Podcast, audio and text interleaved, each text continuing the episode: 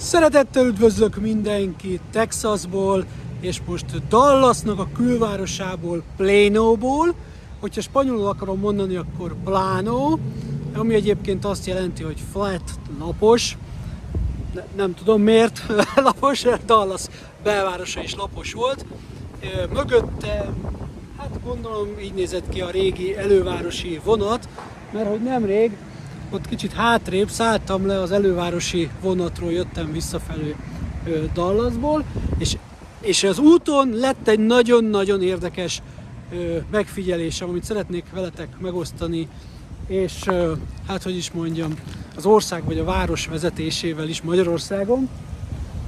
Addig nézzetek körbe, hát ugye az elmaradhatatlan amerikai zászló, a, ugye ott hátul lehet, még talán látni, ott megy a, ez a vonat, Ö, nagyon sok parkoló, erről lesz majd szó, ez a legkisebb parkoló, amit ideig láttam.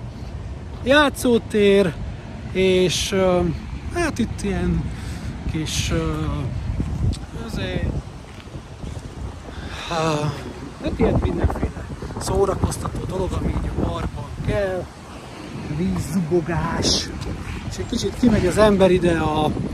Hát, most vagyok itt életemben először, mert itt lakom Plano-ba, de a, azon a részen, ahol a családi házak vannak, és ez most a Plano Downtown, itt, le, itt rakott le a, a vonat, innen kell majd még egy kicsit bebuszoznom, vagy 20 perc sétával e, bejönnöm, ugye ott, onnan, ott a vonatmukat része, és ilyen lovely az egész.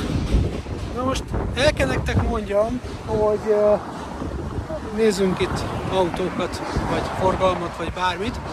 El kell nektek, hogy mondjam, hogy Dallas belvárosa köszönő viszonyban nincsen Houstonnal, természetesen Dallas javára.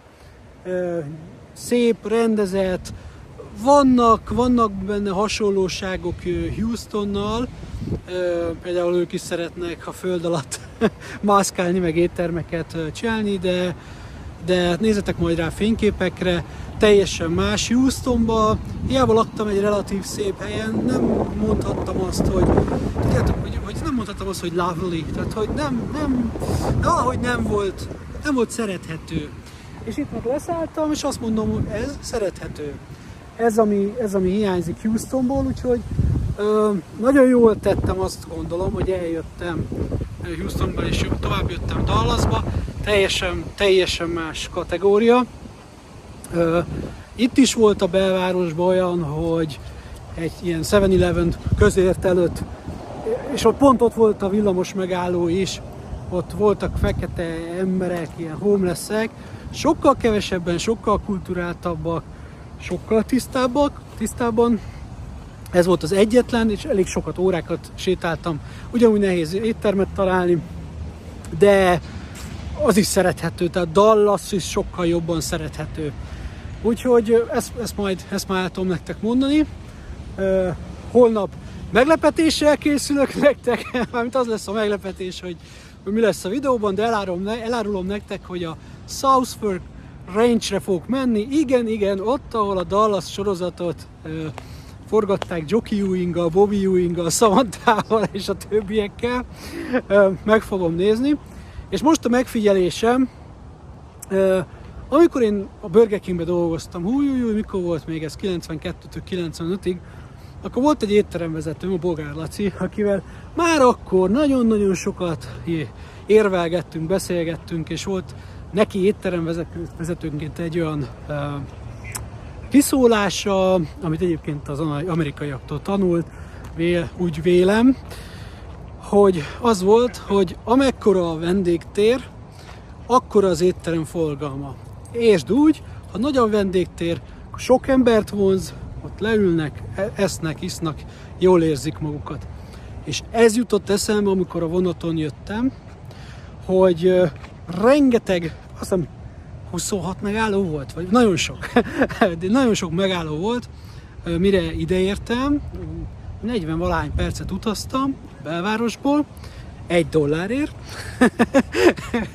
szóval nem volt drága, egy dollár volt, és, és azt figyeltem meg kivétel nélkül minden állomáson, hogy istentelen nagy parkolóhelyek vannak. De valami, tehát akkora, mint a stadionok előtt. Tehát, hogy, tehát hát igen, Amerika autóval jár. De az amerikaiak is hajlandók letenni az autót és elmenni a vonatig, hogy ne kelljen a belvárosba, a nagy forgalomba lenni. Na most mi a nagy forgalom és mi a dugó nekik meg nekünk? Mi tudjuk, hogy milyen. Itt ez nem az. Itt, amit én Amerikában valaha tapasztaltam dugót, az, az köszönő viszonyban sincs mondjuk a magyar dugó helyzettel. Tehát, hogyha már le kell lassítani az autóval, és nem tudom, egy percet kell várni, akkor már kész vannak. Tehát az már borzalmas dugó. Tehát nekik más a, más a dugó, de mert egész egyszerűen annyi, nem tudom, nyolc sávos útjaik vannak, hogy egész egyszerűen haladnak, tehát valahogy autóra lett tervezve a város, minden város, és ezért nem az van, hogy egy sávon vagy kettőn kell állni, mint nekünk, és működik a, működik a rendszer.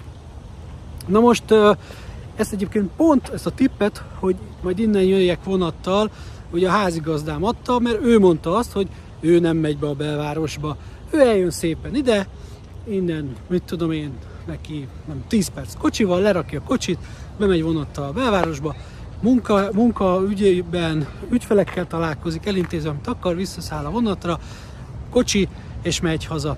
Pontosan ez volt a terve nekünk, a, nekünk magyaroknak, mondjuk én nem is tudom, 20-30 évvel ezelőtt, hogy a ugye P plusz R parkolj és utazzál tovább, csak nekünk nem sikerült, mert itt még ingyenes a parkolás, nekünk most már fizetős, és kicsit alul, alul lett nekünk is ez tervezve, most hogyha azon, hogy én Gödön lakom, hogyha most a Gödi állomásokat, meg így a Vácit, meg amilyen parkolási lehetőségek van, csak így elgondolok, hogy összehasonlítom, hogy kiraknak 10 parkolóhelyet, és akkor már P pluszer.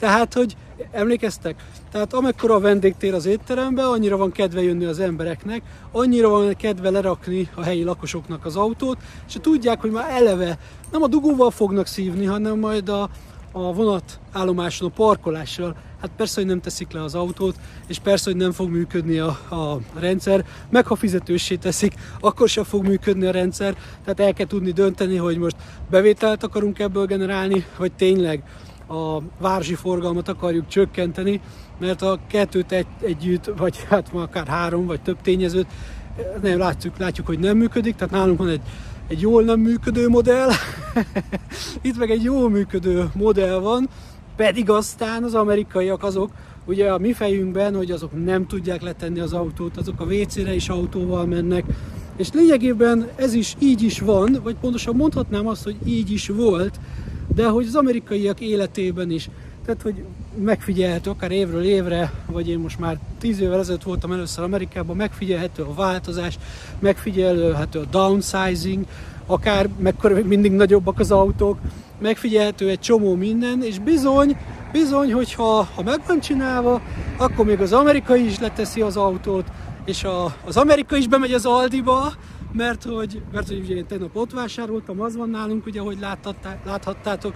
Tehát, hogyha az amerikaiaknak van egy jó ajánlat, egy működő sztori, akkor, akkor abba ők beülnek. Hát ennyi az egész. Majd még jelentkezem Salesforce-ból. Sziasztok!